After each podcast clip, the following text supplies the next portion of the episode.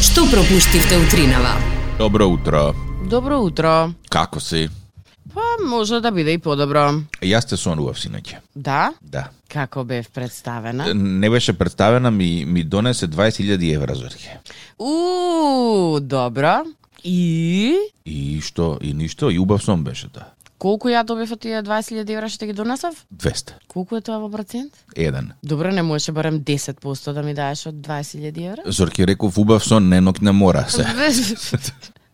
Најубав ќе било ако ти речев не треба и тие 1% во ред. Тогаш ќе беше, да, она просто да не сака да се разбуди човек. А вака, Страшно. е, истори синоќа дошт, чувства дека кровот ќе ти падне врз глава повторно и утринава сино небо без ниту еден облак од моја перспектива. Е, она што не го гледаш и не го гледам, но се најавува е некоја си невреме таму после 13 часот. Пак ли? Така што кај да си, после 13 дома да си или да си никаде под кров. синоќа беше страшно, отидов на водно попладне.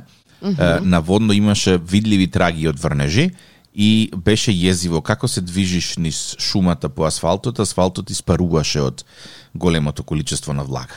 Види, од една страна е многу добро за природата, гледам дека е се разеленото, дека се е пораснато, судики според она што го садев за време на корона, а сега израснало како да е 10 години насадено, гледам дека ваквото време и како и прие на природата. Не знам јас како не пораснав уште едно 10 сантими со оглед на тоа што нели цело време сум на дожд, меѓутоа добро во ред. Е, Од друга страна пак е, за нас како просечни е, Балканци? луѓе, Балканци, да, ова баш и не е најдобрата можна варијанта на пролет која што можевме да ја добиеме, но добро е. Се е, радувам се што не ми нажабреле прстите од волку дошт. Мислам ние не нажабривме, а толку многу врне, постојано врне. Мислам дека нема ден скоро и да не врне. Може би има еден, па после пет дена врне, па после еден ден пак не врне. Сите пријатели кои што ги имам а се занимаваат со некој тип на земјоделство се жалат дека посевите оваа година се отидени. Велат нема. Премногу вода. премногу вода. Премногу вода, велат се ќе скапе, што ќе правиме? Значи, една година се кука дека е суша, следната година се кука дека е потоп, а искрено јас не знам оваа вода каде оди, зорке врне, врне, врне, врне, врне. Навистина како да сум во Нов Зеланд се чувствувам. Толку е се зелено Мислам дека- и убаво. Ама водава, Мислам дека овде вмешано прсти има уште од времето Сара Мейс која што извади врне врне и таа година не престана да врне. И годинава ја слушнав на радио викам ние вајда дека пак истото ќе не следи, меѓутоа да. Се Сериозно? моли, се моли истата ако може некоја друга песна да направи, како на пример Сонце, сонце, многу сонце, леле колку е топло, може нешто така па да видиме дали ќе Еј, излезе не знам нешто. дали знаеш, некаде во 80-тите јас бев член на една хеви метал група во Македонија, која што никогаш не направи Не. некој настап, меѓутоа имаме имаме една демо снимка за некој од тие е, поп рок фест ја праќавме и беше нешто вака сонце јас те сакам знај дин, дин, дин, дин, дин, ти го греш мојот роден крај дин, дин, дин, дин. Вау, колку любовно и поетски. Не, сега Да може ми да е- ја, да ја најдам таа демо Да снимка ми е да негде и да знам кој беше иницијаторот на сето тоа и текстописецот на истата и од кого е сето тоа поттикнато, односно инспирирано. Ти си сонце, мое сонце, а? текстописец бев јас, а мислам дека воопшто не се однесуваше на некоја личност, туку конкретно на сонцето. Е, па тука ти е грешката. Кој прави песна за сонце? Па еве сега, ти само што побара, некој да направи Ја песна побара- за сонце за да не не врне дожд. М, Сара Мес направи песна за дождот, викам сега да направи обратно, обратна психологија. А да јас ти направи за викам сонцето. направена е песна уште пред 40 години, само не Е, па видела ден. понудете. Е, па стапете во контакт, понудете ја. Ако имаш готов производ, а никогаш не го видел светлото на денот, еве ти можност како да го опреш времето. А ако не и понудиш, значи ќе останеме вака да се киснеме цело лето. Мислам дека треба да превземеш акција. Колку пати ти се случило зорке да налеташ на банкнота која што е оштетена и никаде во дуќан не ти ја примаат? Па, ми се има случајно неколку пати, да, и тоа е многу фрустрирачки. А дали ти се случило таа банкнота да ја добиеш од банкомат? М, не можам да се сетам. М, И што е процедурата во тој случај? Не ти ја прима една продавница, не ти ја прима друга продавница? Ја давам на сопругот, па он се снаоѓа. Е, да се добро, тоа ти е практично решение кое што не те чини ништо. Инаку е, банките се тие кои што ги заменуваат скинатите банкноти. Меѓутоа, е, не го прават Колку тоа штете на- бесплатно. Ку- Да, тоа сакам да прашам, колку е штета на банкнота можеш да замениш? Па не знам, Не. искрено најчесто во дуќа не ги примаат оние со подкинати крајчиња. А се Аха, случува, не добро. знаеш, ке фали крајче, каже не, не може оваа оштетена е. Оние скинати ги примаат, иако право да ти кажам, во последно време не сум налетал на скината пара, а на времето купус беа парите. Знаеше да има некоја Да. линија посредина, онака да се распаѓа па со село тейп лепена. Еј, колку пати им налитано на таква лепена со салотейп. Немам тоа видено долго, долго е, време. Така да најверојатно повеќе се грижиме за парите од тоа што порано сме се грижеле, ама е, за да ја направиш замената треба да одиш во банка на шалтер. Добро. И, во таа зависност од услуга? тоа во која банка одиш, ти земаат провизија од 7 до 15% од вредноста на банкнотата. На вистина. Аха, значи ако Од смениш 7 до 15% ти земаат е, затоа што ти ја заменуваат парата. Да, ако земеш од е, илјадарка на пример, сумата која што ќе ти ја земат за таа услуга, зависно од банката варира од 70 до 150 денари, што според мене е многу, затоа што банката потоа оди во Лудо е, Народна банка на извини. Македонија и ја заменува парата таму без пари. Бесплатно, да, тоа сакав да ти кажам, значи, лудо е 150 денари да чини замената, па и 70 денари. Океј да ми речат, океј, 10 денари, заради тоа што ти ја минувам парата, ајде ќе речам 10 денари, па знаеш, нели, па е трошок, ќе ја носат, едно, ама не ја носат само мојата пара за, за заменување, носат еден тон други пари. Е, Ау. сега, е, проблемот е што ти сам да отидеш во Народна банка најверојатно не можеш, а банката вели, а па ние ја наплакеме таа провизија во наводници, затоа што имаме тука административна работа, односно треба да се напише од каде, кој е се рискиот број на новчаницата, еден куп друга папирологија што ти ја знам. Вау, сериозно е, вау. Постои, е, ако не е толку големо парченцето што фали, Мгм. а, тогаш мислам дека можеш да ја ставиш во банкомат. Банкоматот да ја да ја изеде. Да ја повлече, Да ја повлече, да. како прилив на средства. Да, да. И во тој случај дали им исто така ми се наплаќа А не е, тогаш. замена. Не, не, не. Хм, Тогаш си оди многу интересно. во банка и по службена Да, ама должност. банкоматот после тоа ќе ја даде на некој друг. Мојата А не штета сум на баш банк. сигурен дали тие пари што влегуваат како депозити се истите пари кои што банкоматот ги дава е, кога вадиш пари. Не сум баш сигурен дека така циркулираат парите. Мислам дека има две купчиња, влез излез, не се мешаат. Е, имав ситуација каде што сакав да внесам пари и на два или три дена, односно на два и три наврати во различни денови, ми се случуваше да ме одбие банкомата затоа што бил препун. Па верувам дека во исто време и нели излегуваат дел од тие пари, ама според тоа што два до три дена беше препун, а не сакаше и четвртиот ден да примам пари, па морав да се јавам во банката за да го заменат или да проверат што е проблемот, предпоставувам дека може и да си во право дека не се мешаат тие пари. Ама Па логиката се вика зошто не се мешаат тие пари, пари се пари, така. Па и ја исто тоа го викам, ама знаеш, банките функционираат на некои чудни начини кои што ние обичните лица не ги сваќаме затоа што така мислат Ги дека треба. сваќаме се с- е, сите начини на кои што функционираат банките, на крај бараат од е, крајниот корисник да плати за нешто. Значи да плати се за да да ти ја смениме парата, плати за да си ја провериш сметката, плати за да уплатиш некаква уплата преку нашата банка до другата банка која што исто така треба да платиш.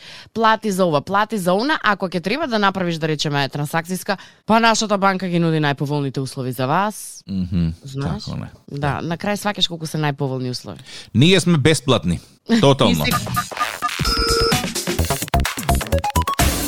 Зборувавме нешто за парите утринава, повели. Ало, добро утро.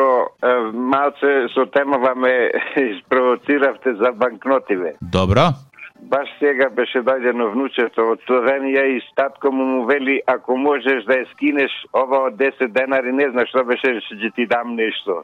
Значи од 10 денари, од 50 денари не може да се скинат, кој знае тоа дошто се направени, а овие стотките многу полесно се кинат. Ама ми беше интересно тој ќе ја скина детето се утепа никако да ја скини та 10 денарка и 50 денарка.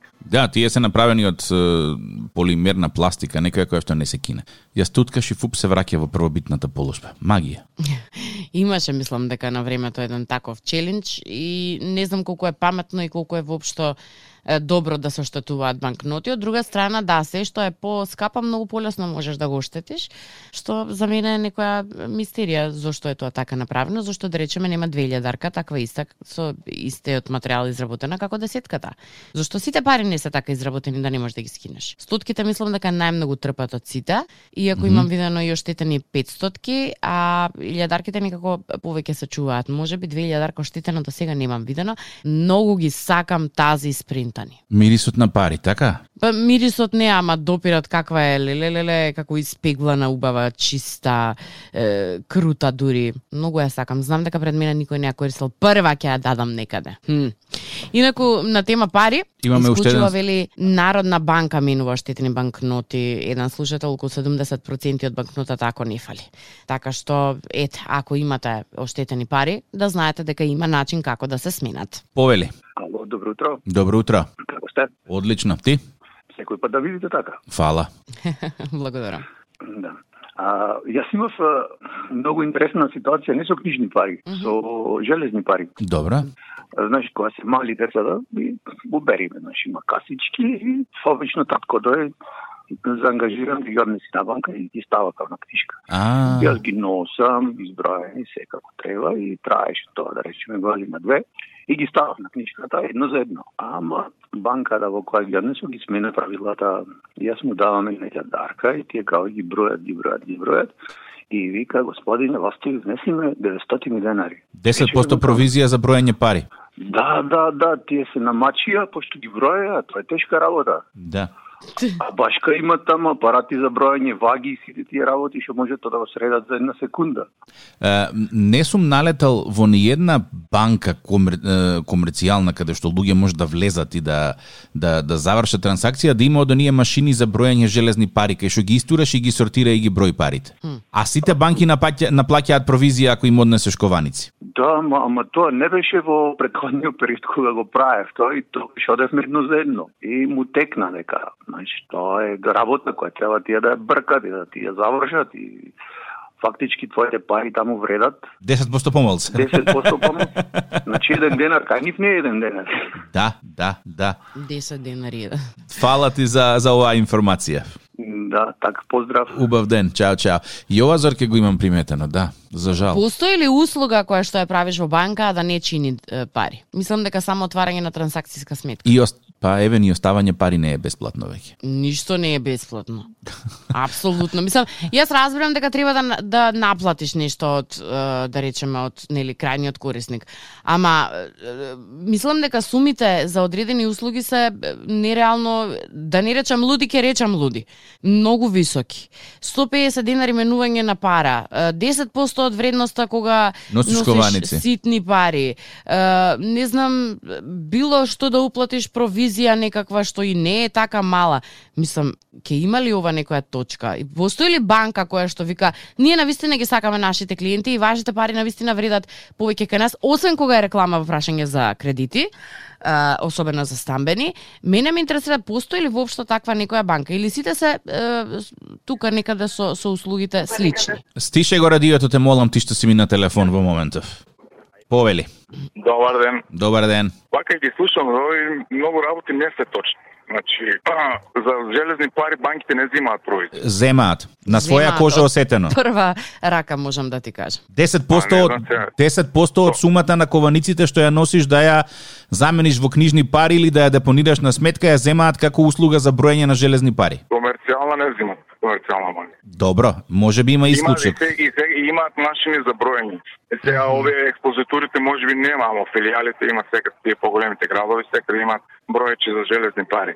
Друго, Добро. банкоматите, кога ги внесуваш овој кешинг се вика тоа, кога внесуваш пари на банкомат, тие пари не влегуваат во офсек за да ги исплатат, да кажеме, други муштери. Тие се посебни, Аха. во посебни кутии одат. Е, А, тоа е тоа. Друга работа, друга работа. Значи, посебна машина има за броење на пари за банкомат, така да ги дели парите што не се а, добри и што не што ќе што ќе го загладат банкоматот едноставно. Значи има специјална машина што е доделена од Народна банка и тие пари се бројат и само тие пари влегуваат во банкомат. Така да многу е ретко да некогаш може да помине некоја стара банкнота, ама тоа машината е проценила дека банкоматот нема да направи проблем и ќе работи. Добро, ова е одговор на тоа прашање дали се оди во исто купче, значи не оди. Да, не Добра. оди, не. Значи, дефинитивно, пошто ја ги помнам банкоматите, ви знам како одат тие работи. Друго, што ве интересира во врска со банкомати? Па не, со скинатите пари не интересира, ама тоа си го одговоривме. Инаку- Народна инаку банка пари- ги ги менува да, без да, пари. Да, и, у- и банките ги менуваат без пари, како е до 70%, значи оштетена не взимаат провизија. М. До после се има во зависност од големината на оштетеноста и провизијата е така. Значи, ама Ш- Мене за скинато Тоа е- кјоше 10% ми зедоа. па сега, што знам баш не би требало, ама И добро, тоа и тоа тоа го го најдов на интернет како тарифа, објавена јавно. И Да, после тоа, после тоа уште во пет други банки ја има таа тарифа. Најниската е 7%, највисоката е 15%. Добро, веќе повеќе овие и за девизите има такви, некои сфарбани, ово, оно. Ама некој пат по договор со странките се праќаат во Скопје, на пример, и ти проверуваат дали може да помине без провизија, дали може, не и така натаму. Одлично. Фала ти многу за за информацијата што ја сподели со нас, не не подучи малку. Фала и на нас, чао. Убав ајде. ден. Чао, чао. на прашањето што е бесплатно во банкиве, е, добив информација дека бесплатно е само јавувањето да те подсетат дека касниш со ратата за кредитот. За тоа ти наплаќаат. Не, тоа е бесплатно. Тоа е единствената бесплатна услуга што ја добиваш од банките. Не им текнало колку пари може да се направат од тоа со оглед на тоа колку луѓе должат Ау, пари за Ова е кредити. вашето трето јавување. За ова трето јавување должите 10 денари што ве подсетуваме, а првите две се бесплатни. Гледаш, еве, ти, ги отвори, им ги отворивме очите. Не мора фала. Не мора. Добро утро. Добро утро.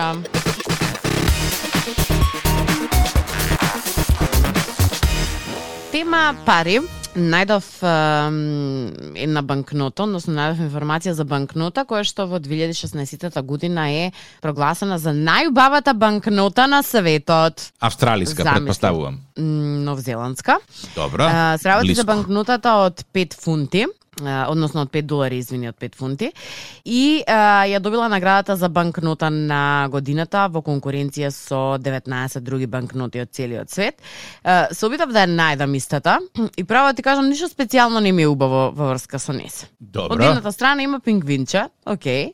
Од другата страна го има ликот на сер Едмунд Пенсивал Хилари, е, планинар и истражувач кој што бил во првата експедиција која успела да се искачи на врвот на Монт Еверест.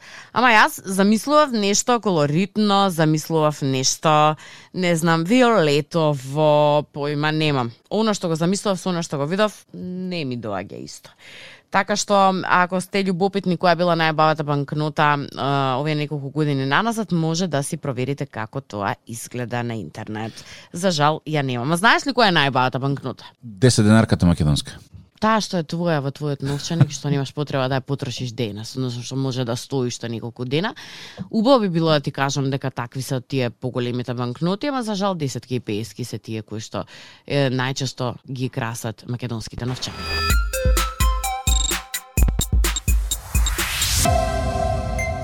Пораки во инбокс еден куп.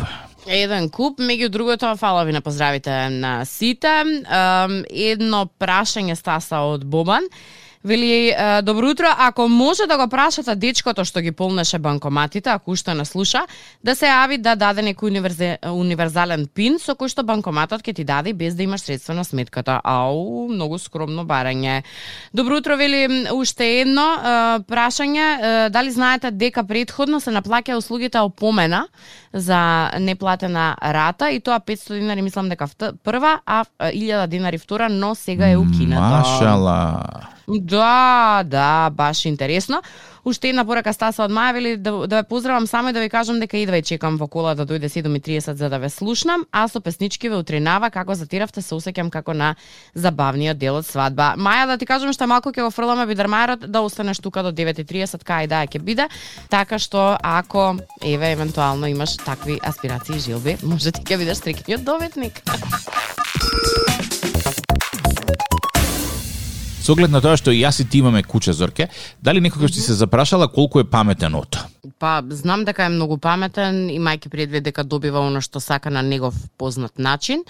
и е, гледам дека м, совршено го има научено патернот на живот во нашето семејство, така што сметам дека се паметни до никаде. Остај тоа ти добиваш што сака на негов начин. Колкав му е IQ-то? Ех, не знам, не сум тестирала никогаш. Ама сега можеш. Звучи како вовед во реклама. Сериозно? Да. А, Добра. постои а, нешто што се нарекува Puch IQ Kit, односно сет за тестирање на интелигенција Ау. на кучиња, е, кој што содржи 15 забавни вежби со Добра. вашето куче. И за да видиш колкав му е коефициент, треба да ги собереш сите поени. Активноста вклучува дали кучето може да запомни каде се сокрило некое м, м, дезерче, откако ќе го извадиш од соба е, 30 на секунди. И е, други такви игри кои што би требало да помогнат да се утврди кое ниво на фокус го има кучето. Меѓутоа, а, во споредба со луѓето, кучињата и не се баш многу паметни. Научни студии сугерираат дека дури и најинтелигентните кучиња не успеваат да достигнат е, човечки еквивалент од е, IQ од 40, Мгм. Добро. што е малце. Па многу малку е. Е, На некои истражувања многу одамна читав дека е, помеѓу најпаметните кучиња на светот се наоѓаат лабрадорите и истите во својата зрелост достигнуваат е, да речеме споредено со човечки вештини достигнуваат е, паметност или интелигенција на двегодишно дете. Што значи далеку од тоа дека може да работи со шрафилица, да одиш да го пратиш Па да не. купува работи и слично. Па не, иако секогаш има исклучоци кои што нели во светски рамки се запишани, заведени, сме гледале разноразни видеа од истите тие кучиња. Меѓутоа, е, тоа е максимумот што може да го достигнат барем за сега. Па, да. Не е лош. Ти чуваш, 40, Лабрадор. две години, да. Па делува како две годишно дете, право да ти кажам. Нели? Целото наднесување, па таа доминантност, па лутење ако не е понезино. Мислам дека баш е двегодишно дете твоја пипер. Е, чека некоја птица да прелета, се чудам каде е во моментот.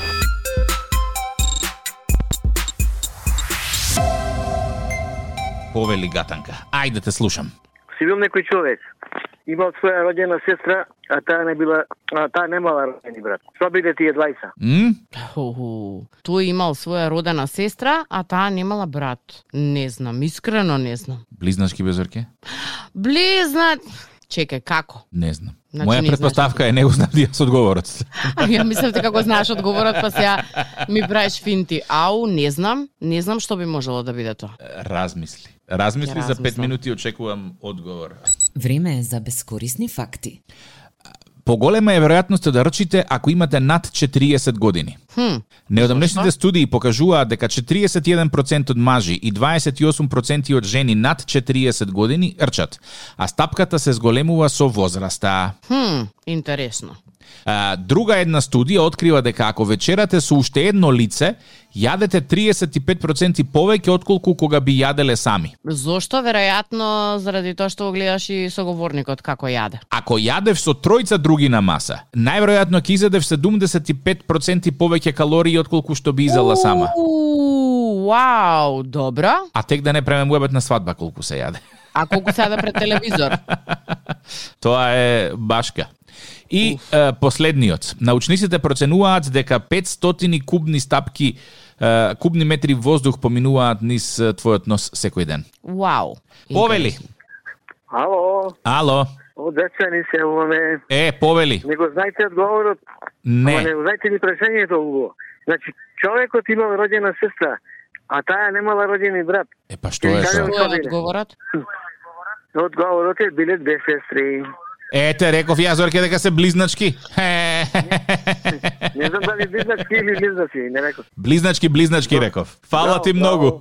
Тетка, чао. Одлично, Зорке. Мене се уште не ми е јасно. Ни прашањето, ни одговорот, ама добро. Еве го прашањето, сега да ти го повторам. Ајде. си бил некој човек. Имал своја родена сестра, а таа не била, а таа немала родени брат. Ама си бил некој човек. Да, А човекот може да е женско. може. Добра, готова. Ете Расправа. ти.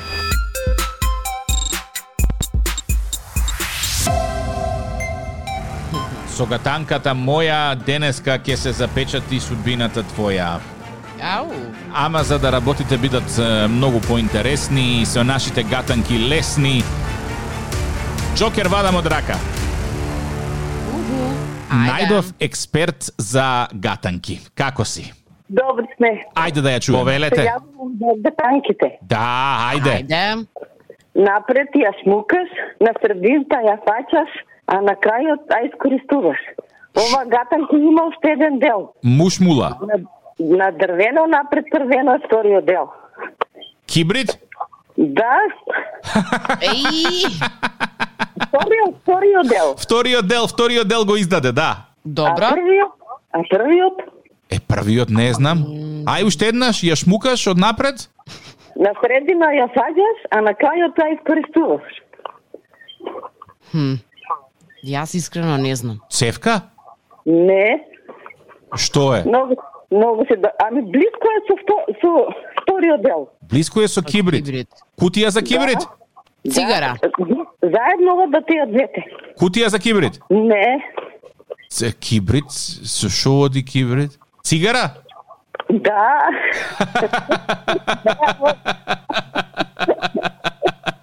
Ми се допаѓаат овие твоиве гатанки, многу се така некако суптилно еротични. Продолжи вака. незгодни за збрзање. Ако. Фала ти многу. Поздрав. Чао, чао. Е, Зорке, еден еден од ова излезе.